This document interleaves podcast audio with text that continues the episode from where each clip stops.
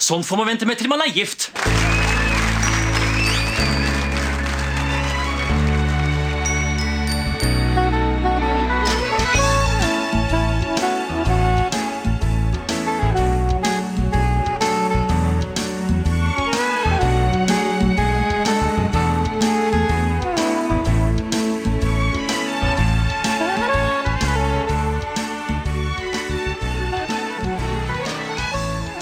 Hei og velkommen til en ny episode av Norsk film filmpodkast, hvor vi ser norsk film med et kritisk, men kjærlig blikk. Jeg heter Emil, jeg sitter her som alltid med. Stefan heter jeg. Og hva er det vi har sett for noe i dag, Stefan? Det er eh, den norske storamatørfilmen 'Dynasti' fra Var det 20... 2012, ja. Mm. Ja. Regissert av Christer Aase. Føler, det er kanskje nødvendig å liksom si noe om hva denne filmen her i det hele tatt er. For dette her er antageligvis det mest obskure vi har sett fram til nå. Ja, vi, Enda vi, mer enn Once Upon a Time in Norway. vi går vel inn for å få enda færre lyttere enn på Once Upon a Time in Norway. Kanskje bare sånn, kanskje under 100 000 denne gangen her. Her på Filmpodcasten så kan vi ikke bry oss så mye om simple lyttertall at det går i veien for det som er vår misjon, nemlig å opplyse folk om norsk film.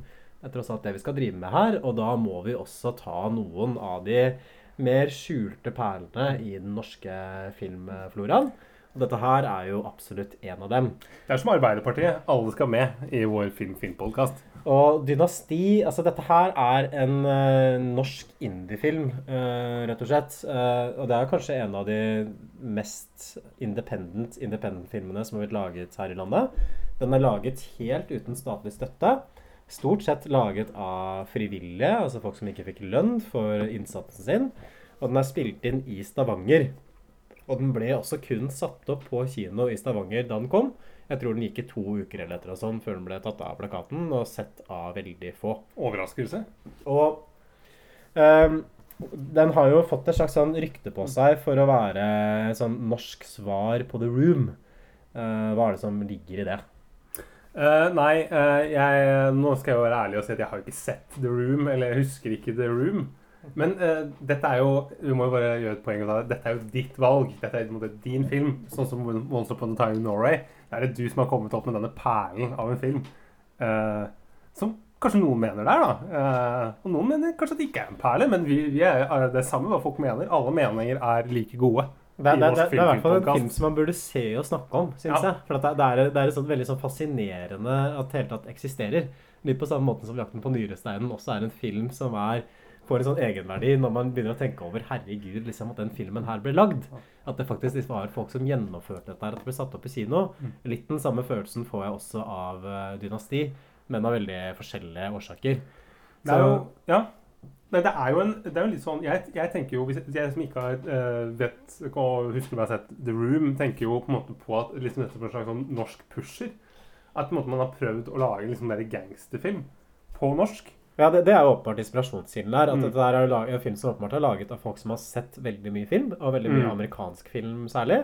Og er liksom veldig glad i kanskje spesielt den amerikanske filmen fra 90-tallet, som Quentin Tarantino, David Fincher. Filmer som skulle være veldig sånn kule, kjappe, ungdommelige, friske. Lock, stock and two smoking barrels. Skal jeg fortelle deg noe? Jeg synes sånne Folk synes jeg er, det er noe mest irriterende jeg veit. Folk som måte, altså, Kan de liksom ikke finne på noe originalt? Det er de der som har sittet inne på gutterommet liksom, og kost seg hele tiden og liksom lært seg der, alle programmene og sånn. Og så istedenfor å liksom komme på noe som er originalt, så lager de liksom bare en sånn, slags sånn kopi av liksom en gangsterfilm.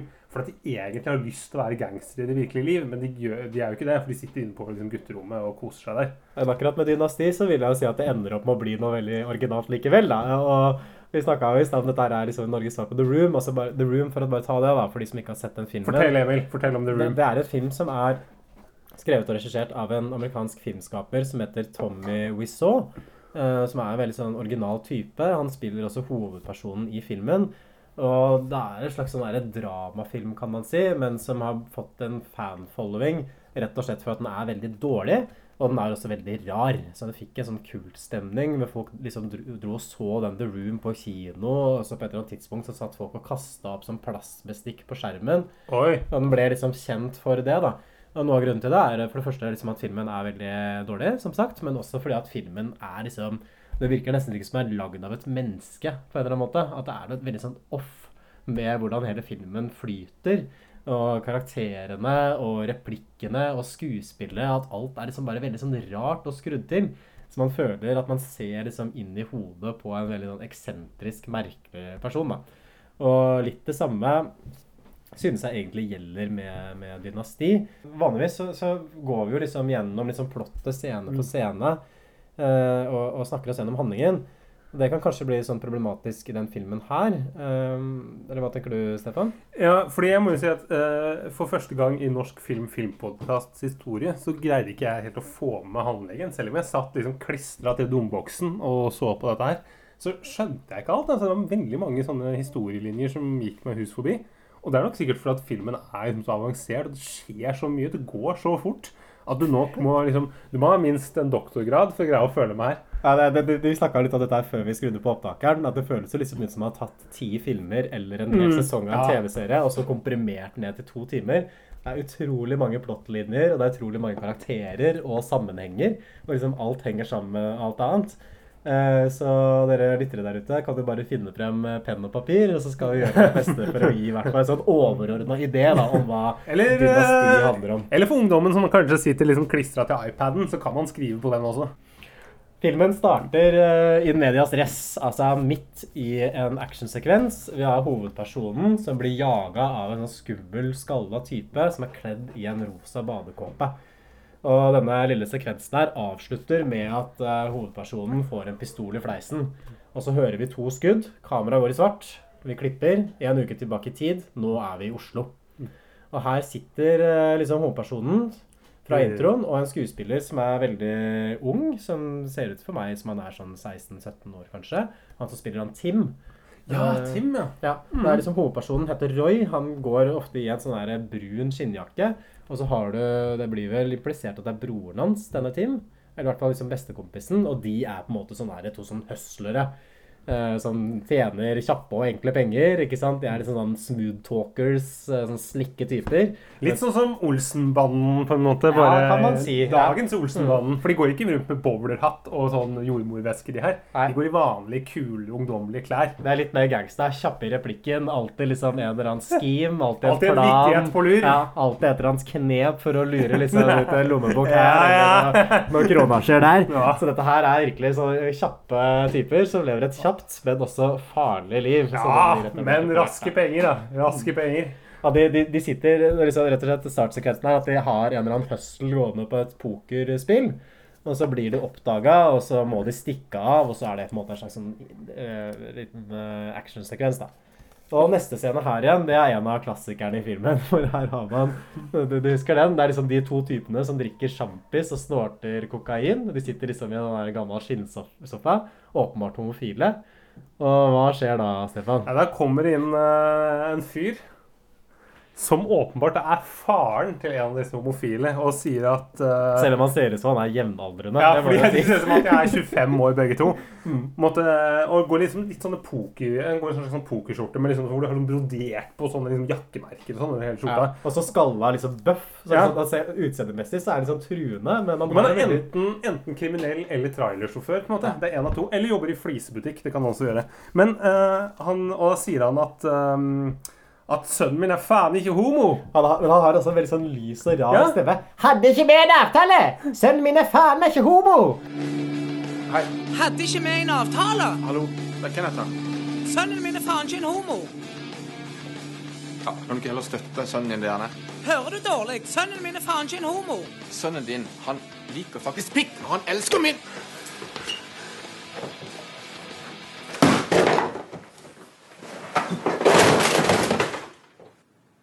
Har planer for deg. Hva faen er det du holder på med? Hadde ikke vi en avtale? Jeg sender deg til Stavanger. Faren er veldig homofob, så han klarer ikke å akseptere det at han har en homofil sønn. Og Og så, må sønnen sendes til eh, Stavanger nå, for Ja. han har blitt for homo i Oslo. for det som skjer, er jo at, eh, at eh, han elskeren da, til sønnen hans, Lasse, som han heter, reiser seg opp og sier sånn Sønnen din, han liker faktisk pikk. Og det vil ikke faren med tynne Steven høre på i det hele tatt. Så ender det opp med at han pælmer liksom kjæresten i bakken. Og sier til sønnen at han må dra til Stavanger, fordi der har faren planer for ham. Her er det et veldig sånn rart innklipp av blod som flyter over et DVD-cover. Så du hvilken film det var? Den DVD-en? Ja, 'Vinterkyss' med Kristoffer Joner. Kristoffer Joner, som er fra midten av 2000-tallet. Ja. Hvorfor, hvorfor tror du de valgte akkurat den filmen?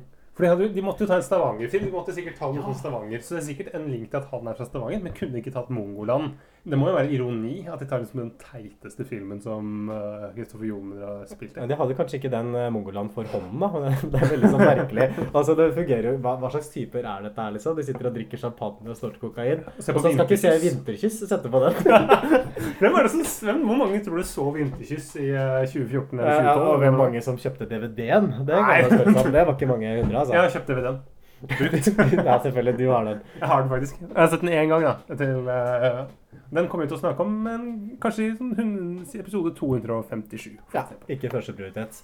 Men det er én ting man merker her fra start, at det er ikke den beste lydkvaliteten i filmen alltid. Nei. Jeg synes at filmen sånn utseendemessig så ser den ganske proff ut, syns jeg. At den har god lyssetting Mm. og fine komposisjoner og sånn visuelt teknisk god. Den ser litt ut som en sånn velprodusert pornofilm i liksom eh, uttrykket. Ja, jeg syns det, er- jeg synes det ser ut som en helt sånn vanlig norsk film. Ja, man kan som kanskje- Is Isat, for eksempel. Jeg syns ikke den står noe tilbake for sånn som Isat ser ut. Å, ja. Syns du det? Jeg syns den er litt sånn eh, Den er litt, litt skarp i kontrasten òg. At det måtte litt mye men, men det kan ha med locations å gjøre, at man ikke har hatt studio og sånne ting. Ja, og Men- kanskje også at vi, så den jo på YouTube, da, så er det eneste stedet hvor det går an å se den. Og så er det kanskje også noe med, med de DV-kameraene som Jeg tror nok det er egentlig at det er veldig gode bilder, egentlig. At den, Mm. den ser nok nesten ut som eh, ja, kanskje ja, de beste norske filmene. Kanskje Kon-Tiki, nesten. Ja, men jeg, jeg synes i hvert fall det, det, det ser ut som en profesjonell norsk spillefilm. Det, Ja. det må du gi meg. Ja, det, det kan jeg Og det, det er jo også noe som gjør filmen så jævla morsom, fordi Den høres ikke sånn ut. Nei, og den, og den er jo ikke det heller. Hvis du ser på skuespillet og manuset, er jo absolutt ikke på et sånt proft nivå. Men du får en merkelig sånn der dobbeleffekt, fordi filmen ser liksom ut som den kunne vært en norsk film. Men samtidig som at handlingen og skuespillet er helt sånn hinsides. Og lyden er jo én ting, for jeg merker at det er veldig irriterende å sitte og se den fordi at uh, plutselig så snakker folk veldig høyt, og så snakker de lavt. Og så er det uh, noe du merker veldig lett, er at de, når de spiller inn ute, så er det, det bare helt stille. Det er ikke noe bakgrunnslyder. Det er, bare, det er bare stemmene. Og til folk også er det helt sånn knyst. Mm. Det er ikke noen fugler, det er ikke noen biler som kjører forbi. Det er ingen bakgrunnsstøy. Den dialogen er jo dubba over i etterkant, tror jeg. Og det Mm. ser man jo ganske tydelig også, fordi man ser det på liksom at uh, Men det tenker jeg det er jo første du lærer på filmskole i Lillehammer. er jo Du må jo ta, liksom, ta opp bakgrunnsstøy, ta opp lyd der hvor du er. Det tenker jeg det er jo tips til hvis dere sitter og hører på nå, dere som lager Dynasti. Når dere skal lage Dynasti 2, så må dere ta opp lyden bak. Men det er jo kanskje et eller annet med at når man sitter og klipper dette her, så ser man jo også kanskje litt veien det går. At man ser at dette her blir kanskje ikke tidenes film. Så det er jo mulig å tenke, tenke hvis man ser råopptaket, så tenker man også at man trenger kanskje ikke å prioritere å gå ut og spille masse folly greier og bruke ekstra tid da på denne filmen som tross alt ble veldig mislykka og rar. Og neste scene så ser vi gutta, Roy og Tim, eh, driver og høsler på kafé. Det er noen røvere, som sagt, altså. De, men de har liksom et hjerte av gull under, så man skjønner liksom at dette her er Ja, men det er skurker, de men de har en viss sånn samvittighet. eller Man får en slags sånn sympati med Hvorfor det? At, jeg tror det er det filmen vil at du skal ja, tenke. å ja, å ja, ja, sånn, ja. ja, ja. Da kommer de tilbake til eh, blokkleiligheten sin, og da oppdager de at folka fra pokerspillet kommer for å ta dem med ladde pistoler. Sånn svære sånn glocks. Så de, så de også bestemmer seg for å dra til Stavanger, da. Eh, Men filmen går ikke rett til Stavanger, fordi den viser liksom hele reisen opp dit. Og det føler jeg er liksom typisk for Dynasti som helhet. At man tenker liksom det at man viser hver eneste detalj i plottet. I andre filmer så kan man jo ofte liksom hoppe over noen sånne mindre scener, og så tenker man at ja, seeren fyller inn liksom detaljene underveis. Mens her får jeg inntrykk av at man tenker at ok, hvis vi ikke viser det at de faktisk tar turen opp til Stavanger, så skjønner ikke seeren det når de plutselig er i Stavanger i neste scene.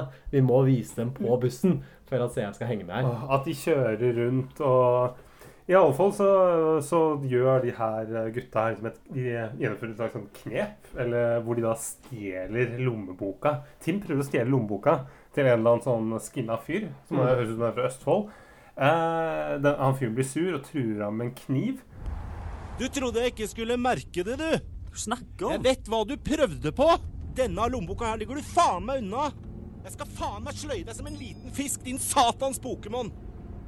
Jeg skal lage deg, din faen! Uh, og de hopper av bussen, men så viser det seg da at Roy han har tatt, selvfølgelig tatt lommeboka til den fyren. Ja. Og der var det hasj og greier også. måte Narkotiske stoffer. Ja, nå hopper det over veldig mye oh, ja, innimellom er det- her. Altså, men fordi var det mer den, den, han som de stjeler lommeboka fra, er ikke noe hvem som helst. For dette her er jo Kalv, som er med i gjengen til han homofile fra starten. Han homofile altså har en veldig sånn der svart sånn emo-look. En svart sånn feit lugg.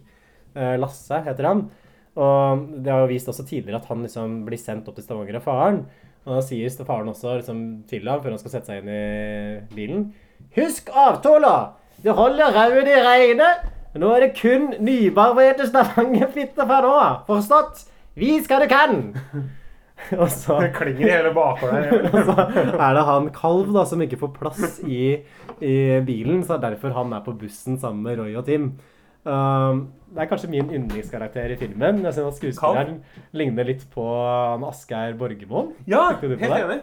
Og altså Kanskje den dårligste skuespilleren i filmen, men også en av de som gir mest. For det er Ja. veldig mange av de skuespillerne som virker å være så flaue over å være med, egentlig.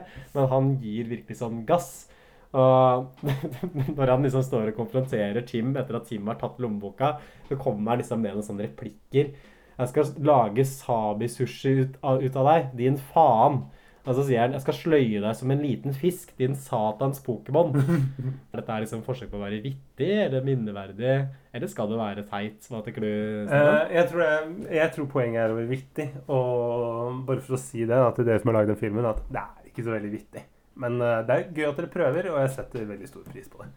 Det etableres jo også her at hovedpersonen Roy har en bror som kom seg ut av barnehjemmet pga. god oppførsel. Og så syns jeg det er litt sånn morsom detalj, for det er jo ikke sånn at barnehjem fungerer sånn som sånn fengsel, at du kan komme ut tidligere hvis du har god oppførsel. Hva er det du kommer ut til da? For du bare liksom blir bare løslatt, og så kan du bare leve Nei, du er, du er, du er løslatt fra barnehjemmet. Du er åtte år. Bare gjør hva du vil, for du har vært så flink og pliktoppfyllende her på barnehjemmet. Ja, jeg, jeg trodde det funka sånn at du kom ut av barnehjemmet hvis de finner fosterforeldre til deg. Ja. Men de slipper jo ikke bare en sjuåring ut. OK, nå, du var så flink, du var snill, så du kan bare Du slipper å være her. Det, kan det, det, skal, være, det skal være en omsorgsinstitusjon, ikke et straffested. Men de burde nok kanskje ansatt en sånn statsviter eller noe sånt som konsulent på den filmen her. På en måte hvor de, kan, de kunne lært liksom litt om det liksom, Kanskje litt mye allmennkunnskap, som kunne rådført dem litt, eller gitt litt råd. Men det er faktisk en konsulent som står på rulleteksten eh, i filmen. Oi. Jeg telte faktisk, det kan vi komme tilbake til seinere også, men jeg telte jo, det er jo over 120 stykker som har vært involvert Oi. i filmen, tror jeg. Hvis du teller alle navn på rulleteksten. Ja. Så det er en svær, eh, svær produksjon. Og filmen går også videre til en annen litt sånn ikonisk scene. Jeg vet ikke om du husker den, Stefan? Det er den avhørsscena som er mellom sånn politimann og han er mistenkte med de vikene. Har du bevis?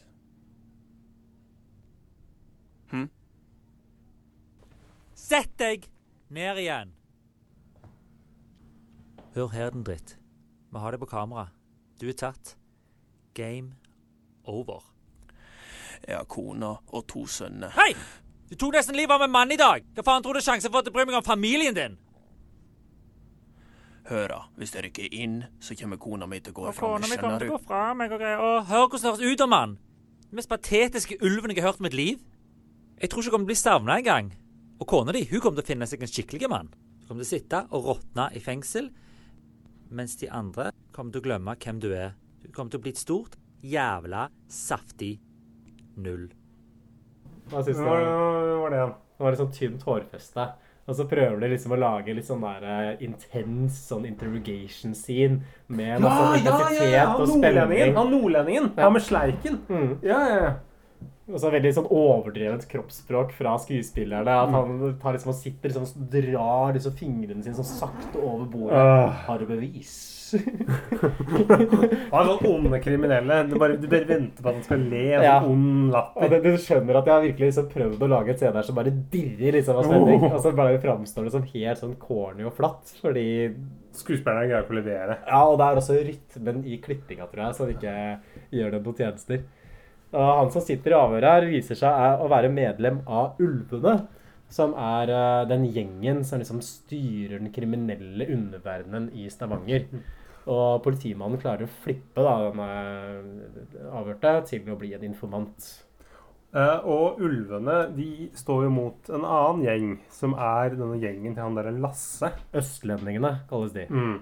Østlendingene. Det, for det er de to hovedgjengene. Det er ulvene, som er fra Stavanger, og så har du østlendingene, som er fra Østlandet. Og her er det jo noe liksom et problem med historiefortellingen. fordi dette er med ulvene, østlendingene Det kommer jo ikke fram før liksom sånn i siste liksom siste, siste liksom 20 minuttene av filmen. Da begynner vi å nevne ulvene og østlendingene. Så det er liksom sånn I begynnelsen så sitter du bare med veldig mange folk som, med liksom sånn smultringsskjegg som du ikke greier å skille fra hverandre. Og som måtte ikke har noen navn. Og som ikke, du vet ikke hvilken gjeng de egentlig tilhører. Du vet bare at liksom, de, er, de er venner med de folka med smultringskjegg, og de andre er venner med noen andre med smultringskjegg og skinna hue. Og det er, liksom, det er vanskelig å orientere seg her, altså. Ja, for det, det er sånn Det er litt som i en labyrint eller en uh, Ja. Ja, for det, det er, det er sånn, skikkelig sånn sveip over anslaget her. Altså, for det etablerer veldig mange ulike karakterer, veldig mange ulike locations. Det kommer jo også fram her at broren til Roy, altså han som kom ut av barnehjemmet pga. god oppførsel, Patrick heter han, han har blitt politimann. Det blir også etablert at han Lasse har et sånt jævla dyrt kunstverk som han Tim, da, broren, ender på å stjele. 80 000 kroner. Det er mye for kunst, det. altså. Og at eh, Lasse og østlendingene skal sette opp en pornoside. Sier han Lasse Men du, hvordan går det med selskapet? Har starta nettsida. Eneste jeg trenger nå, er kamera. Så er jeg good to go. Åssen selskap er det her, da? Pornografi, min gode mann. Masse deilig fitte.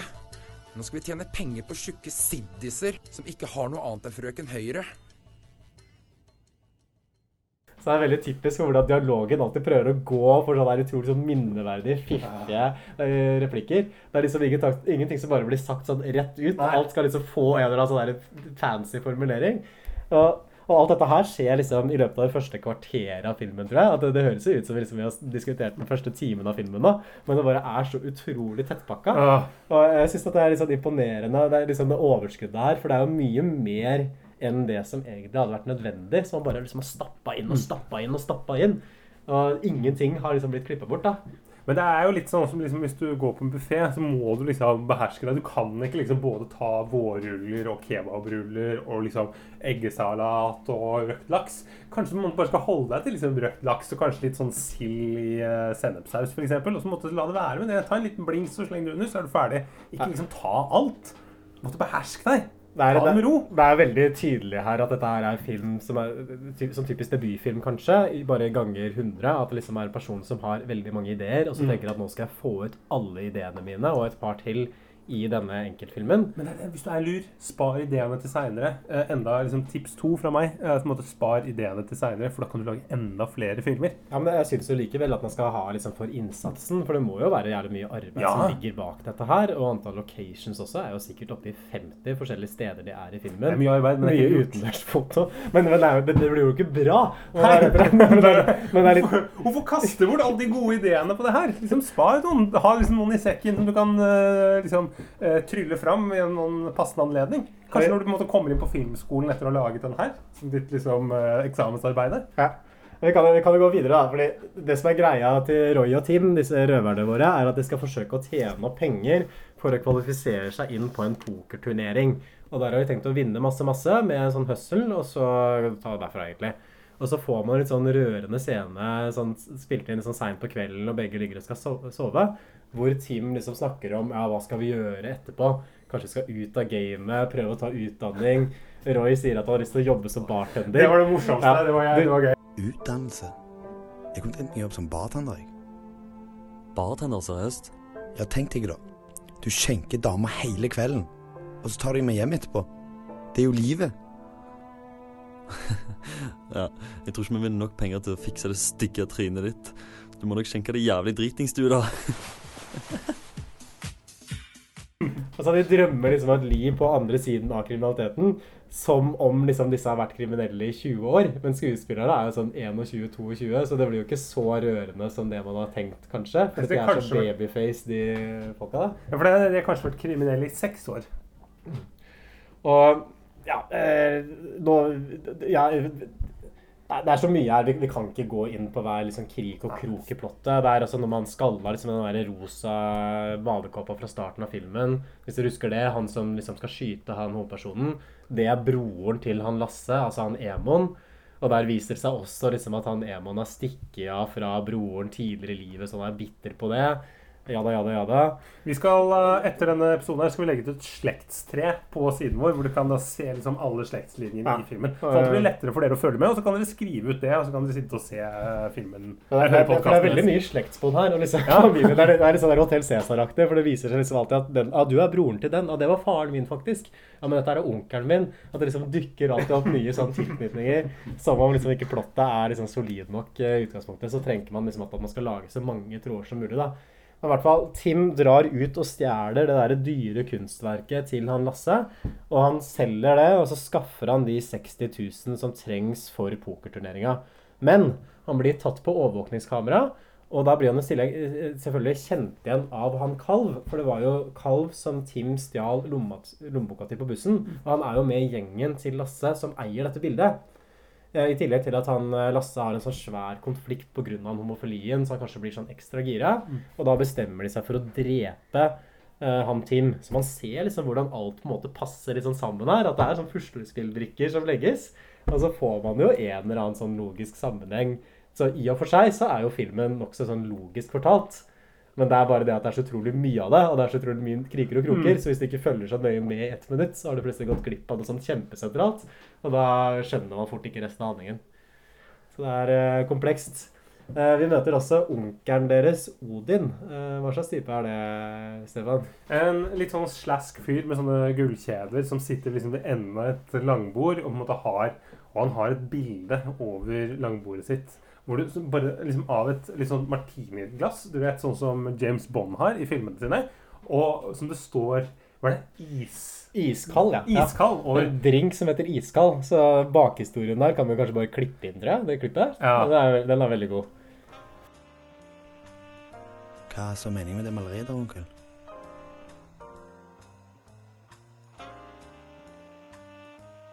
Det var meg og tante Elisabeth som var i Puerto Rico. Så fikk vi servert den drinken der. Tante Elisabeth heiv i bytte og spann av den der og ble godt brisen. Så vi måtte ha et minne fra den turen. Så vi fikk et maleri av den drinken. Um, det, er- det er jo litt morsomt, for vi sitter jo hos Stefan nå, og du også har jo liksom dine yndlingsdrinker. Og fått liksom bestilt malerier av dem laget til deg. Ja, så det, Kaffe Baileys henger jo rett på veggen ved siden av oss nå.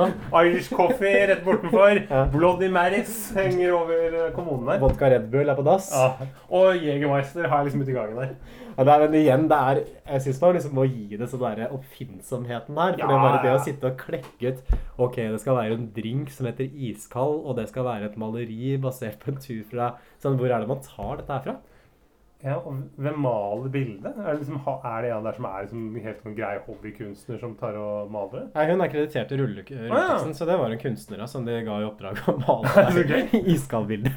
Vi kan jo kanskje prøve å, å kjøpe det iskaldbildet. Jeg vet ikke om det fremdeles er i- Det hadde jo vært noe å ha i uh, Norsk Film Filmpodkasts eie. Ja, I vårt studio. Ja, kan det være at det henger i, i stua til av Christer Aasa, som har regissert eh, Dynasti, som er et lite minne fra filmen. Kanskje vi kan eh, ja, få tak i det på en eller annen måte? Jeg det, men kan jeg henge det i, på pauserommet vårt, kanskje? Ja, Nå, nå kommer i hvert fall liksom et av de store vendepunktene i filmen. Fordi Tim og Roy drar på den pokerturneringa, som de vinner. Men det ender i tragedie. Eh, fordi Roy går på do, og når han kommer ut igjen, så har Tim blitt skutt som hevn fordi han stjal det der eh, kunstverket. da. Eh, det viser seg at det er han Mac, altså han skalla fyren fra starten av filmen, som har gjennomført dette drapet.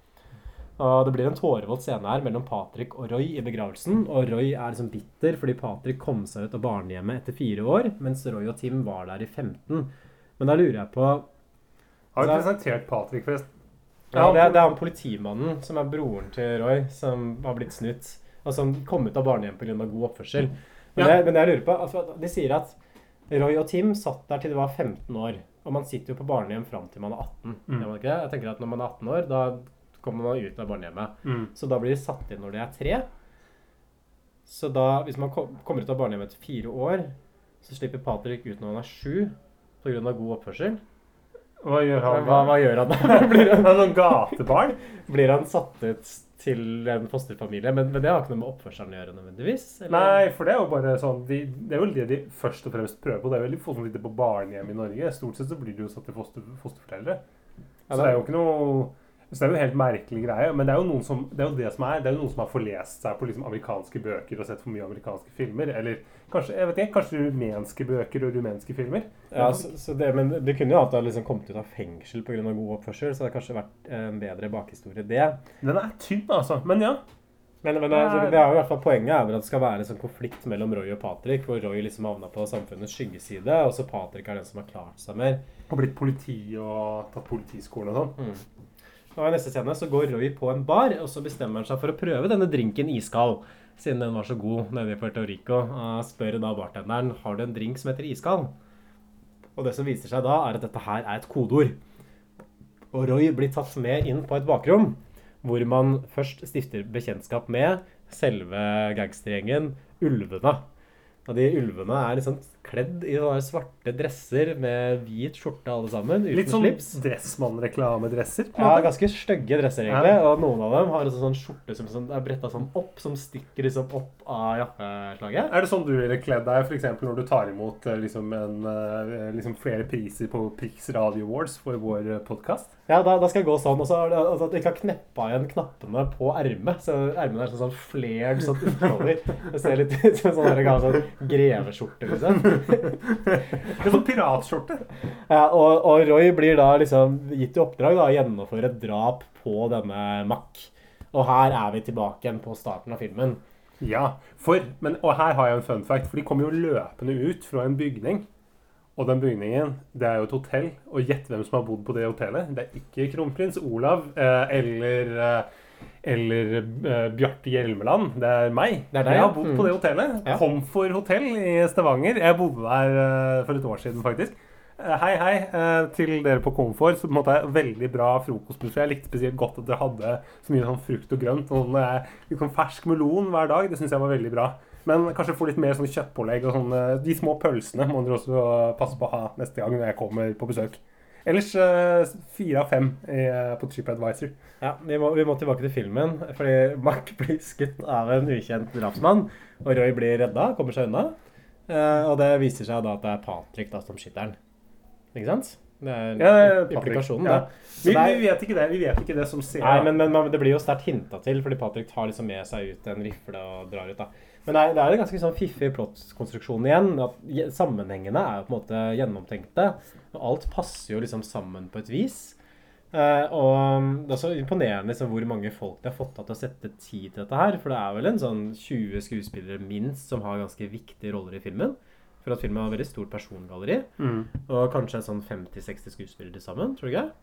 Jo, eh, altså i hvert, fall. Og det, og det er jo det som er, liksom, er imponerende med den filmen her. Hvor mange de har greid å samle, og hvor mye folk de har fått med. Men det gjør jo også hele greia veldig forvirrende. Du må jo se den flere ganger for å skjønne noe. For meg da, som ikke har sett den For du, Emil, du har sett den ganske mange ganger. Jeg har sett den sånn fire-fem ganger, tror jeg. Ja, fordi jeg har sett Det var min første gang. eh, min jomfrutur med den filmen her. Eh, og jeg må jo si at det, liksom, det var vanskelig å, å skjønne. da.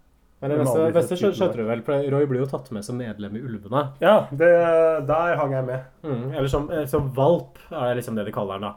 Eh, for det liksom er en ung ulv. Og det er liksom sånn morsom scene her, for at han blir bedt om å signere en kontrakt for å bli tatt Hæ? inn. Må han det, ja? Ja, Han står og signerer en kontrakt kontrakta oppå biltaket der, men er det sånn det funker i mafiaen, liksom? At du signerer på dette dokumentet her, så er det det? Han skulle jo tro at det var en sånn blods... Jeg Ja, de var blodsbrødre isteden, eksempel. Ja, eller sånn blodspakt eller et eller annet sånt. Så det er veldig sånn organisert kriminalitet, da. Hvis man De har jo sikkert jurister og sånn i mafiaen. da. Det er merkelige greier. Og Patrick bestemmer seg på samme tidspunkt at han har lyst til å gå undercover i Ulvene. Og det er også en scene hvor han snakker liksom med politisjefen. Patrick, Hei. det bra med deg. Ja, jeg var bare helt i en annen verden. Hvorfor søker du deg inn på dette oppdraget? Hansen, du kjenner meg best av alle. Jeg har ingen familie. Ingen kone, ingen unger. Det er ingen som kommer til å savne meg. Derfor syns jeg jeg er best for dette oppdraget. Du vet det er ingen vei tilbake på dette her. Jeg har gått inn i meg sjøl, og jeg føler det rette å gjøre. Men det er jo no shit, for han er liksom sånn 21 år gammel. Så det skulle jo kanskje overraske hvis han har liksom mange barn. Men han mener at derfor kan liksom han eh, ta denne risikoen da, som det er å liksom gå undercover inn i et sånn her eh, kriminelt miljø. Eh, vi går videre. Roy og han fra avhøret i starten av filmen, altså han som er eh, tyster, blir bedt om å kjøre noe dop over Stavanger. Og når det kommer fram da, så blir han tysteren skutt av han som på en måte er en sånn mellomleder, eller liksom sjefen for de ulvene. Um, jeg har vanskelig å skjønne sånn sammenhengen her, og en ting som også er litt så merkelig, er at gutta blir bedt om å kvitte seg med liket. Og det gjør de også, for de kaster den over ei bru. Men det er først at etter at politiet har funnet kroppen, og det har vært lagd en sånn nyhetssending av det. Fikk du med deg det? For det kom en scene først hvor han politimannen står liksom ja, og blir intervjua med en fyr som ligger liksom daud i en presenning bak. Er Og så klipper det til at de kaster den kroppen over brua. Å ja, den, den skjønte ikke jeg. eh, Det, men var ikke det den første kroppen som de hadde drept, som de fant, eh, og som ble nyhets... Nei, men nei, for det er det. Det er det som er poenget. Nei, det, det, det er han Mac. Ja, selvfølgelig. Ja, det er Mac. sånn det, det er han Det er de finner. ja. Mm. Ja, og da, da får vi en sånn derre Det er jo en helt fantastisk scene som er en av mine favoritter. Hvor vi på en måte Vi skal, vi skal føle at vi er på en måte på, på TV, på NRK-nyhetene. Mm. 8 etter det her. Og så ser vi liksom i bakgrunnen så står det, det står en ung kvinne med liksom blondt hår. Og i bakgrunnen så har politiet da rigget opp et sånt Europris partytelt. Du vet det der billigste som du får til 299 liksom på salg på Europris. Rigget det oppover liket, og that's it. Det er åstedet. Så er det én fyr i sånn skinnjakke fra politiet som går rundt i bakgrunnen der. Det er jo ikke noe, det er ikke rettsmedisiner, det er ingenting. Dette er jo vet du hva? Dette er jo helt urealistisk. Altså, altså, men det er jo litt sånn der morsom detalj her, fordi han politimannen står liksom og blånekter noe veldig Nei, dette her er ikke noe mistenkt om kriminalitet i det hele tatt. Og det er naturlige årsaker. Når liksom ligger en fyr skutt under en presenning. Så jeg syns i hvert fall det var litt sånn humoristisk. Det var og kanskje, litt, kanskje litt subtilt også til den filmen her å være. Som ellers maler med såpass bred pensel når det kommer til eh, humoristiske. Men tror du det er, at det er ment sånn, eller tror du bare du som ligger mer i det? Jeg tror, det er, jeg tror det er meningen at det skal være litt komisk, ja. Er dette det en film som egentlig skal analyseres? Er, det måte, er, det, er den egentlig verdig en analyse? Jeg mener at alle filmer har verdig en analyse, syns ikke du? I hvert fall den her.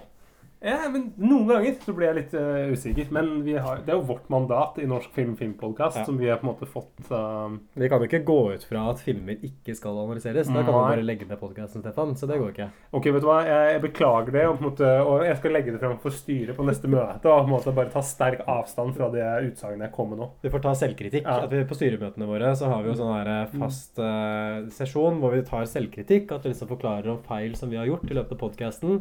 Ting vi har sagt feil, f.eks. På, på innspilling. Hvis vi har hatt noen fakta som ikke har stemt. Og så har vi en sånn runde hvor, liksom vi, hvor vi har en sånn board of directors, som er sånn åtte-ti gamle menn kledd i dress.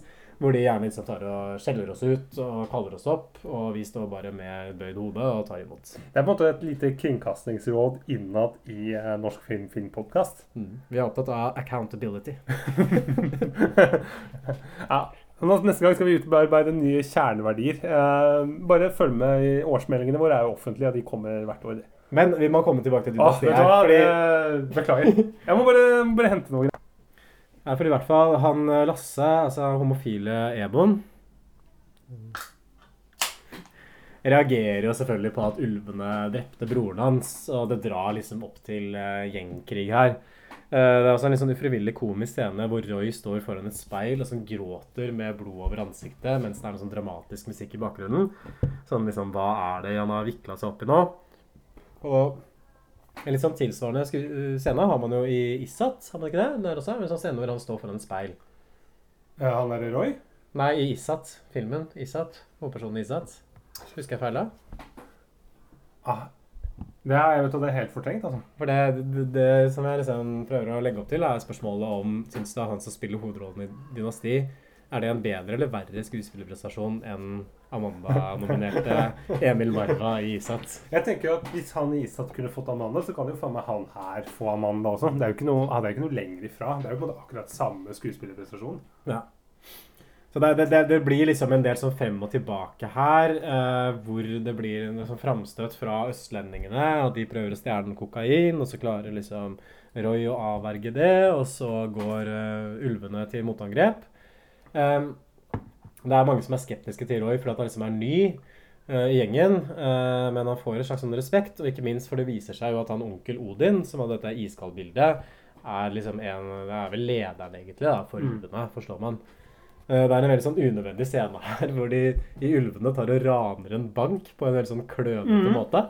Som bare er liksom sånn smetta inn. Så det, er sånn Ja, fordi det skjønte ikke jeg heller. Hva, hva gjør den scenen der? Hva har den, den tilfører jo ingenting. Det er jo sånn det er å være i mafiaen. Sånn der, man raner jo bare en bank sånn helt sånn casual sånn der på midten av dagen, liksom. Så, Fordi banker, som alle, vi alle vet, så har jo banker fryktelig mye penger eh, i hvelven om dagen. Det er så mye transaksjoner som skjer med kontanter, og det gjorde de i hvert fall i 2014. Seriøst, hva skal vi?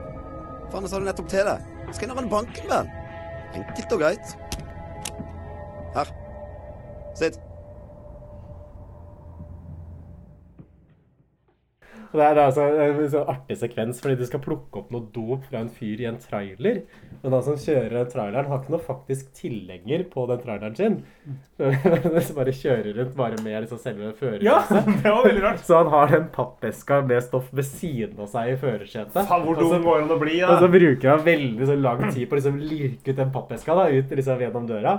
Men da kunne han like gjerne bare kjørt en vanlig personbil eller hatt, hatt Eller en sånn liten pappeska i bagasjerommet. Det er mye smartere. Mye billigere òg. Bruker mye mindre diesel per mil enn her. Men da, men da kommer østlendingen vet du, og så stjeler den kokainen. Nei, faen gjør de det? da?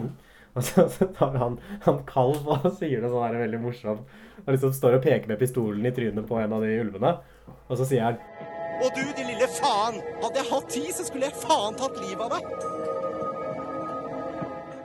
Liker jeg. Hadde jeg hatt tid til å skyte deg, så skulle jeg gjort det. Med en pistol. Så hvor lang tid Tar det ikke lengre liksom? tid å bare si, å si det? Ja, jeg kunne jo bare skyte- trukket på avtrekkerne. Man måtte kanskje jevnt like eller noe sånt i ettertid. da, At det er liksom en omstendelig prosess. Har du merka det som er snodig? At måte det er ikke noe rekyl på pistolene når de skyter. De bare står sånn poff, poff, Uten å liksom Som et maskingevær. Liksom sånn at det er en måte softgun. Og så står det selvfølgelig også alltid med pistolen som vendt liksom sidelengs. sånn Ja, det er sånn, kult. Det syns jeg er veldig litt. Kult. Det ville jeg også gjort hvis jeg hadde spilt i en actionfilm. Og du har eh, kona til liksom en av de toppdogsa Ulvene blir kidnappa av østlendingene.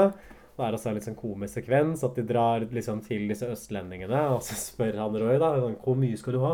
Og så svarer han Lasse 200 000. Ingen problem. Og ikke nok med det. Jeg skal 200 000 for dopet, pluss renter. Og hvis du skal se dama di igjen, skal jeg ha 450 000. Kom igjen, nå! Satan!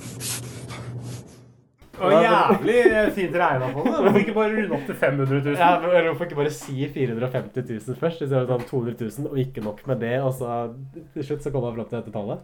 Det er veldig rart hvorfor akkurat 450 000. Det skjønner jeg ikke helt. Det er også noen greier med at de ulvene har en sånn muldvarp, altså en tyster i organisasjonen. Og da får de rett og slett en sånn fotograf i en hvit skjorte til å ligge i en busk utafor liksom, hovedkvarteret til disse østlendingene Han skal fotografere hvem som kommer inn og ut. Men det her har østlendingene, østlendingene allerede skjønt. Mm. Så de planter liksom en falsk muldvarp. At de kidnapper liksom noen fra ulvene, og så lar de henne gå ut. Slik at han fotografen i den hvite skjorta skal ta bilde, og så skal de liksom uh, mistenke henne. da. Så det er utrolig liksom, hvor mange plottlinjer man klarer liksom, å få plass til her. For dette, er, liksom, dette er bare sånn ti minutter av filmen. Det er det siste vi har snakka om nå. Og hvorfor tenker man at alt dette her er nødvendig? Så det er muldvarplottet, f.eks. Det er kokain i varebildet. Det skjønte ikke jeg noe av i det hele tatt. Men, det, men dette er jo ikke en ordentlig fotograf. For en ordentlig fotograf bruker jo ikke den der innebygde blitsen på Canon-kameraet når man tar bilder. Måtte, da har du en ekstern blits som du setter på, og så bruker du det. Det har de heller ikke skjønt. Det er kanskje ikke så smart med blits heller, hvis du skal ta bilder av folk uten at de merker det. Uh, nei, det tenker jeg òg. Du, du dropper kanskje den blitsen. Men uh, tips, ikke sett på den innebygde blitsen. Det er, det er en jævlig funny scene her også, hvor østlendingene skal rane liksom money-stæsjet til ulvene og skal prøve å finne en safe. Husker du den? Og han kalven Ja. står liksom og lener Mm. seg opp til en safe, og så klarer de ikke å finne den. Hvor er den jævla safen? Nei, vet du faen jeg, hvordan ser den ut? Og så er det så vits at han står liksom rett ved safen hele Og du kjenner jo hvis du lener deg på en safe av stål, at det er stål. Du kjenner jo at det, det er ikke tre. Ja, men han står jo og ser liksom rett ned på den Ja. nummerskiva altså. Leit! Bruk huet, du er på sjekk! riktig sted? Sjekk bakrommet, sjekk under kassa! Bruk det lille huet du har fått! Det er jo ikke noe bakrom her. Gud. Åssen ser den safen ut? Åssen farge har den? Vet vel faen ikke jeg! Seiffarge! Vet da faen, brun, grå! Øh! Herregud. Hvor faens vanskelig skal det være, da? Hæ? En ting er sikkert, han her veit ikke. Kalven, Hva faen er det du holder på med? Hva da? din idiot. i helvete? Et grønt pengeskap? Nei, faen meg sett det òg, også ved ytterdøra. De må jo faen meg helt blåst! Fy faen. Det er bare fordi den er grønn og har samme farge som veggene i bygningen. Og det, er på en måte, det er jo hvor dum går det an å bli? liksom. Man nevner én liksom, scene til, da, kanskje før vi begynner å runde av plott-gjennomgangen. Og det er kanskje liksom den styggeste scenen i filmen, syns jeg. Uh, det er den scenen hvor de dreper hun dama. Husker du? Og hun dama står liksom på knærne foran dem i bare bh-en. Og så Ja. er det en sånn greie at han som står med pistolen, skal liksom tvinge henne til å suge ham først. Mm. Og så skyter han henne i hodet mens hun suger ham. da. Det er litt dumt, for han kunne bare truffet kuken sin inni Han kunne bitta men og gutta liksom bare står og flirer i bakgrunnen og bare ja, nå får hun som fortjent. Så det er eh, Det er ikke bare på grensa til kvinnefiendtlig, syns jeg. At dette her er det, du, du, du får det jo ikke mer kvinnefiendtlig enn den scenen der. Ja, Den er skikkelig stygg, liksom. Den er ordentlig fæl. Jeg tror aldri jeg har sett en, en film, og selv ikke liksom sånn uh, av de filmene som, vi, som er eldre, som vi har sett, som på en måte er så kvinnefiendtlig som denne her. For at kvin, de, kvinnerollene her, deres jobb, det er en som uh, har en replikk som sier at nå skal du bli mor. Det er, det er hun som blir kidnappa, ja. Ja. Men det er måte, det er bare kvinner gjør liksom helt sånne kvinneting. Måte, og da er det en sånn replikk fra han fyren om at eh, ja, du må, hvis du skal bli mor, så må du i hvert fall fortsette å lage mat til meg. Og det er på en måte bare sånne det er, det er liksom, de, kvinn, de kvinnene er på en måte helt Det er, det er ikke karakterer engang. Det er på bare, det bare, de bare fyller en funksjon. Ja, og så toppes du av den her veldig drøye voldssekvensen, som egentlig burde ha en sånn trigger warning, tror jeg. For det er jo en skikkelig sånn par overgrepsscene. Ja, men du måtte, det, du måtte, hvis du skal logge deg inn og se filmen, så må du faktisk bekrefte at du er over 18 år. Men jeg, jeg, Men- jeg tror ikke ja. regissøren liksom skjønner hva slags materiale han sitter med her. Liksom At han tenker kanskje at det bare er sånn kult eller sånn det skal være i sånn type film. Jeg vet ikke, men, men det er jo det. Alle kvinner er jo, her er jo enten mødre eller strippere. Det Ja, det er det, er- de det, er det der mor- og horekomplekset. At enten så er de mødre, eller så er de horer. ikke sant? Som man snakker om i Freud. så kommer det. Uh, og, men det er jo også veldig sånn typisk for gjennomgående barnslig stilen i filmen her, i hvert fall på manussiden, da, at det er jo, som vi var inne på i starten, at den er jo tydelig skrevet av en fyr som har sett veldig mye amerikansk sjangerfilm, og som kanskje ikke har hatt så mye kontakt med kriminelle miljøer, eller virkeligheten som sådan utover det. Nei. At det er en film, man har inntrykk av at det er en person som kun forholder seg til virkeligheten og det, liksom det ytre liv gjennom filmskjermen. da, Og fortrinnsvis da Tarantino og Guy Ritchie. og For det er, det er på en måte, Han har ikke sett, sett så mye fransk nybølge her. Det er på en måte, det er jo han- det er sitt- Sittet inne på gutterommet og sett liksom, litt som det mest tilgjengelige av uh, film. I motsetning til oss. Ja. Det er jo derfor vi har en filmpodkast, og ikke han. ja, Derfor han er regissør, mens vi er kritikere, som er åpenbart en mye viktigere funksjon. Og det er veldig mye sånn twist and turns underveis, mens hovedtvisten er kanskje at det viser seg at det er Roys onkel, altså Odin, eller sjefen for ulvene, som er den egentlige muldvarpen her. Ja. At det er han som driver og underminerer eh, hele organisasjonen fra innsiden. Og hva han skal få ut av det, det forstår jeg ikke helt. Fordi han er jo sjefen for ulvene. Men samtidig så driver han liksom og selger ut organisasjonen sin til en konkurrerende gjeng. Men hva er det han tjener på det?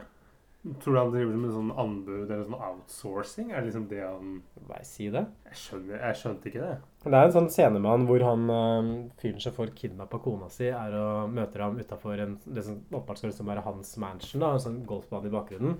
Og da sitter liksom han onkelen og drikker champagne, og så har han en sånn tallerken foran seg hvor det ligger en sånn tynn biff og så et, et sånn svært sånn crispy salatblad. Det ser sånn løvbiff som du får liksom på en sånn veike. Ja, det er luksus. Kjøtt og så bare ett et salatblad. Det er luksus. Det er samme når vi filmer inne på kontoret hans. Så sitter han med liksom et sånt litt stusslig skrivebord, og så står det en liksom sånn, der, sånn skipsmodell, sånn knøttliten, sånn som du kjøper liksom hvis du har vært på ferie på Rådås, liksom. Som Mm. står på, på bordet hans. Det er veldig sånn der, det er noe som ikke har vært De har ikke vært innenfor liksom sosietetens uh, tykke vegger her. Det måte, de har sittet liksom og Ja, men, men det er jo et eller annet med budsjett i filmen her òg. Ja. Og jeg er overraska over at filmen ser såpass dyr ut som Men det den faen, gjør. eh, Du kan jo få en sånn First Price uh, som du kan slenge på istedenfor den der jævla løvebiffen. Det er måte Kiloprisen er vel ikke så stor forskjell på det. Sier vi da som sitter her liksom med de snobbete jobbene våre. Men Roy blir da tatt til fange av disse østlendingene, og så skal han på en måte henrettes. Og da viser det seg, det kommer liksom fram da, at eh, Lasse er homofil, og da tar faren hans sammen den tynne stemmen, og hele resten av crewet de bare stikker igjen, liksom. De gidder ikke å gjennomføre henrettelsen engang. De orker ikke å tolerere liksom, at han er homofil. Og da kan Roy på en måte bonde med han Lasse, fordi dette har jeg ikke vært inne på. eh, kanskje en av de mest sånn unødvendige plottkomplikasjonene i filmen her. Faren til Roy har åpenbart hatt en sånn lederrolle i Ulvene tidligere, men ble drept da Roy var veldig liten. Så det var jo derfor de kom på fosterhjem. Av onkelen, viser det seg. Og dette skjønner Roy fordi han, faren hadde et sånt smykke som da han Lasse går rundt med rundt halsen. Eh, Så da kan på en måte han knytte liksom bånd til han Lasse, fordi begge har på en måte mista fedrene sine. Og da går han Lasse over til ulvene Mm. etter det. Så det blir på en måte en sånn happy ending for ham, da. Og den homotematikken også liksom forløser seg. Og så er det kostelig også for han der homofile som Lasse driver og ligger med oppe i Stavanger der. Ja, som de kaller for sånn Jan Thomas. eh, Ja, han går liksom rundt med en sånn oppkneppa hvit skjorte og levestift. Så her skal det ikke være noen tvil i det hele tatt om at det er en gay vi har med å gjøre. tror alle homofile det går som kjent med levestift. Og filmen avslutter vel egentlig liksom med at Roy klarer å få onkelen av banen. Han klarer også mer eller mindre utrydde denne østlendinggjengen. Skyter alle sammen. Har du noe mer du har lyst til å legge til om handlingen her, Stefan? Eh, nei, nå, nå er det, kommer det til et punkt hvor jeg på en måte bare jeg har begynt å dette av eh, liksom det der dynastitoget. Ja, jeg vil jo si siste halvtimen i filmen så er det kanskje litt vanskelig å ikke nødvendigvis holde følge med handlingen, men kanskje det å bry seg, for det på en måte filmen har vært gjennom så jævlig Mm. mye allerede. Så det begynner å føles litt sånn overflødig etter hvert. Og filmen avslutter også med selvfølgelig introduksjonen av nok et plottelement. Og denne gangen så er det da at politiet har etablert en ny sånn antigjengenhet. Og de skal holde en sånn pressekonferanse for eh, det, og så da tar liksom ulvene seg inn på toalettet, hvor han politimannen som er ansvarlig for denne antigjeng-enheten står og pisser, og truer han. Og det er avslutninga. Ikke kødd med ulvene. Vi, eh, vi har kontrollen i Stavanger. Mm. Du skjønner at det er ulvene. De har vunnet. Ja, altså er, Trenger man å si noe mer om den filmen her, Emil? Har du noe du vil legge til? Jeg er spent på, spent på å høre hva du syns, eh, Stefan. Hva, hva syns du? Eh, nei, jeg syns jo, jo for det første bare filmen er jævlig forvirrende. Det er så, det er så mye. Liksom, det er nok til å fylle en, liksom, en hel sesong en dynasti. Du trenger ikke å lage en film, du kunne hatt en sesong. Og så syns jeg eh, Mitt problem er jo det derre eh, en lydkvaliteten som er så jævlig varierende. Jeg tenker at det her er jo ikke det, det kan, Vi kan snakke amatør eller ikke, men liksom når, når du ikke får til liksom noenlunde jevn lyd, når du på en måte halvparten av gangen ikke skjønner hva folk sier, da tenker jeg da må du lage en tekst eller noe sånt. sånt det er nok helt klart det mest sånn uproffe elementet i filmene. eh, sånn, Ja, altså, fordi- sånn åpenbart uproffe, da. Sånn, Ja. Ellers så er den jo ganske proft gjennomført. Ja, men tenk nå, ikke sant? Altså, eh, skuespillerne er ganske liksom De er, eh, Ræva, dårlige. Ræva, dårlige alle sammen. er. Alle skuespillere er dårlige. Alle er dårlige. Ikke, ikke en god prestasjon. Og, og, det, men det er så Nei, men det- rart. men Men, det- de, men de er på en måte dårlige på samme måten. Alle, det er liksom samme som kunstigheten i replikkene Det er opplest. Uh, mitt uh, som filmmann så tenker jeg at dette her er fordi at de har tatt én tagning. De har på en måte tatt én eller to tagninger. Ja, men det, men det er jo dubba over, så det er kanskje i dubben at de bare sitter og Mm. leser gjennom replikkene. Bare, ja, de bare leser én gang, og så ferdig. Mm. Og det, det er et problem. Skuespillerne er dårlige, men det,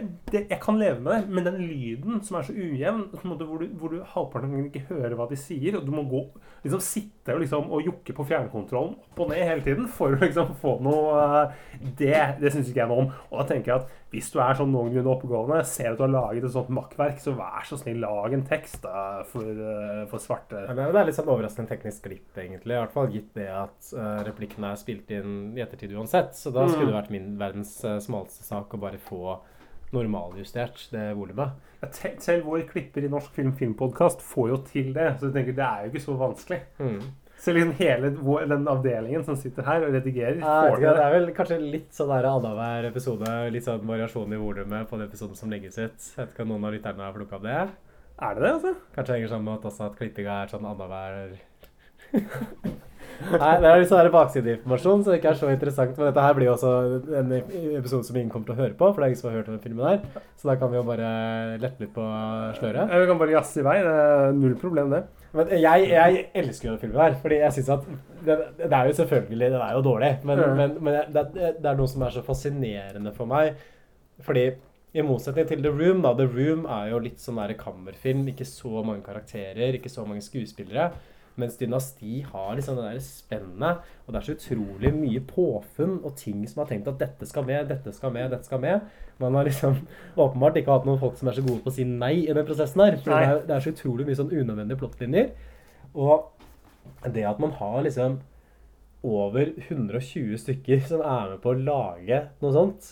Man har brukt liksom tid av livene sine på å lage en sånn type film, og så blir det så åpenbart ræva at jeg skjønner ikke hvordan man kan sitte og klippe sammen den filmen her og tenke at ja, det var bra, det var en kul scene. liksom alle det, Ja, det, det, var sånn helt innlysende, tror jeg, at dette her er veldig rart og fjernt. Dette er, en Eh, sånn, dette er en sånn film hvor jeg vil si til dere som har laget den, at det er veldig koselig at dere lager film. Men men det er jo nettopp det som gjør den såpass severdig også. Jeg syns Ja. også den er veldig underholdende. For det er jo liksom alltid noe sånn rart og merkelig og morsomt i hver scene. Som regel ufrivillig komisk, da, men liksom hver scene har et eller annet sånn lite krydder i seg. Som det er verdt å merke seg ved. Ja, jeg, ikke, jeg vet ikke om jeg er helt uh, enig der. Jeg, jeg, jeg satt og kjeda meg. Du de gjorde det, ja. ja. Jeg syns Ja. ikke den filmen er kjedelig i det hele tatt. Nei, eh, jeg hadde, hadde liksom sånn Jeg hadde gøy de første 20 minuttene. Og fordi jeg satte pris på dette krydderet med liksom, Du ser ut som en Pokémon eller en, eh, en jævla laks eller Altså, det, det, det er greit. Men uh, det bare fortsetter med liksom Det er på en måte det samme hele tiden. Det er, altså, jeg, trenger liksom ikke halvannen time med pizzabuffé, liksom. Det holder det, det er nok med 20 minutter. Da er jeg mett, og så kan jeg, kan jeg gå. Nei, jeg, jeg må si Da at kan jeg bare sitte liksom og bare få, Det kommer mer og mer. Er bare av det samme. Liksom ikke, det er bare liksom pizza liksom med pepperoni og, og ananas istedenfor de andre typene som jeg vil smake. Så det er liksom det er det samme hele jævla tida. Samme tempo. Utrolig liksom Altså, faen så fantasiløst, altså. Finn på noe mer. Fantasiløst kan du vel ikke si at det er. At det er så mye påfunn i filmen her. Sånn som iskalddrinken, det er jo ikke fantasiløst. Nei, nei, Du kan jo si at det er dårlig, men det er ikke fantasiløst. Ja, men det, jeg syns det er fantasiløst innenfor gangstersjangeren. Kan, måte, kan vi liksom ikke At du har et at maleri av en drink som heter er iskald, at det Det er koden for å komme seg inn. Du, er det Nei, fantasiløst? det er morsomt. Det er gøy. Men, men poenget er hvorfor må liksom alle sånne liksom, uavhengige typer som skal lage film, hvorfor må de lage gangsterfilm? Liksom, kan, kan, du ikke liksom finne en annen sjanger? Liksom, Men, men, du, men du, pre- premisset som du opererer i nå, er at denne filmen her kunne vært god hvis man liksom hadde tatt de rette grepene. Men du kan jo ikke tenke at liksom At, den filmen her ja, Christer også, da, som med all respekt, at han kunne ha en god film. Hvis det ikke hadde vært for at han skulle lage lage en god nei, film. Nei, nei, absolutt ikke. Man må jo se det for det det er. At det, det kunne ikke vært noe annet. Men det er jo en gangsterfilm, så Mm. det blir jo sånn ved siden av poenget. Ja, man kunne jo lagd en dramafilm istedenfor, men uh, Ja, og, og, jeg, og, og, det skal jeg si, det, det dømmer jeg den faktisk ikke for. Synes, men det, det er bare min liksom sånn, en oppfordring til uh, Christer uh, Aashole, eller hva han heter. At måte kan, kan du liksom Det er karakteren til H. Lilleheie i United, det er Åse-Ole. Beklager. Åse, Christer Åse. Vi må ha regissørens navn riktig. Ja, beklager, Håvard Lilleheie. Det var ikke meningen å, å disse deg for mye. Men, men poenget mitt er bare at uh, uh, Altså, det er bare noe med at hvor, altså, jeg, jeg skal ikke Jeg skal ta, liksom, bedømme den som den er, og gi den kritikken. Men jeg syns ikke som den er, ja. det er riktig når det kommer til den filmen her. Kanskje norgeshistoriens verste film. ja, det er helt uh, grusom. Men, men jeg syns som du, du skal ha for at Jeg synes det er litt sånn Det er litt sånn oppfinnsomme replikker, men problemet er at det, det utvikler seg liksom, Det er fortsatt det, det er liksom det samme gjennom hele filmen. Det er gøy de første 20 minuttene, men så blir det liksom Det blir bare mer av det samme. Mer og mer forvirrende liksom plott og plottlinjer som liksom Jeg tror, jeg tror dessverre det er litt sånn resultat av at man har følt behov for å tettpakke det så jævlig. At Ja. liksom hver eneste replikk skal være vittig. Her Det skal skal du være action, skal, skal være action hele tiden. Alle, alle scener må liksom introdusere et eller annet Mm. sånt plottelement. Skal være sånn, alltid sånn øh, linjer på kryss og tvers og forbinder disse karakterene med hverandre. Og det gjør liksom det at siden pacingen er såpass høyt hele veien, så blir det på en måte litt sånn treigt sånn i lengden. Ja, for det- man bare blir metta på et eller annet tidspunkt. Og det føles som man har vært med på så mye at man blir sånn likegyldig til slutt. da. Ja, du setter jo liksom, det er på samme måte, du setter jo pris på musikk fordi det er stillhet innimellom. Du Det mangler litt dynamikk, ja. Eh, men jeg, jeg syns jo at dette her er et morsomt og interessant univers å være i. At jeg liker liksom den derre hva skal jeg si, liksom der, nesten sånn utenomjordiske stemningen her. At liksom det, det er en film som ikke virker som er lagd av mennesker. Sånn, like The Room, fordi det bare er så utrolig fjernt fra hvordan mennesker faktisk oppfører seg og snakker. Og jeg syns også det er liksom morsomt med de stygge dressene som ulvene går rundt i. Og det at alle sitter og drikker den samme pilsen hele tiden. For det har åpenbart vært en sånn sponsor av filmen. La merke til det? At alle sitter med den sånn samme flaske med Ja, sånn pils. eller Ja, som er en sånn spredt utover baren. Sånn, uansett hvilken bar du er på i Stavanger, så er det den du får servert, eh, tydeligvis. Og jeg liker også liksom tonen i filmen. Og, og, og, og som det er en film som er helt uten ironi. Og du Mm. merker liksom at alle de som er med på den, i hvert fall alle skuespillerne, og regissøren åpenbart, liksom vil at dette skal være bra. Og de, Mm. de har ikke noen sånn ironisk distanse til filmen Nei. de lager, selv om den er så jævlig crappy. Så jeg, skulle- jeg syns det er veldig sånn interessant for meg at jeg kunne tenkt meg å være til stede liksom, på filminnspilling. Hvordan var stemningen på sett? Tenkte man, ja, Bra, gutter. Dette er bra. God tagning. Godt skuespill. liksom, tenkte, var det ingen som tenkte at dette her hmm, går kanskje ikke sånn rette veien? Dette er blikket, ikke en ny norsk Pulp Fiction, liksom, som det vi hadde håpet på. Ja, for det er sånn at de sitter sånn Ja, bra, det blir en ny norsk Pulp Fiction. Ja, men de må, jo, de må jo ha tenkt det, for hvis ikke, hvorfor gjennomføre det i det hele tatt? Og det, i hvert fall, det er jo sikkert 120 scener i den. Og det er, jeg vet ikke hvor lang tid det har tatt å spille i den, men det må jo ha tatt ganske lang tid i og med at det er så forskjell mange Ja. forskjellige locations og skuespillere. Dette er jo liksom et prosjekt som folk har satt av livene sine for å gjennomføre på dugnad.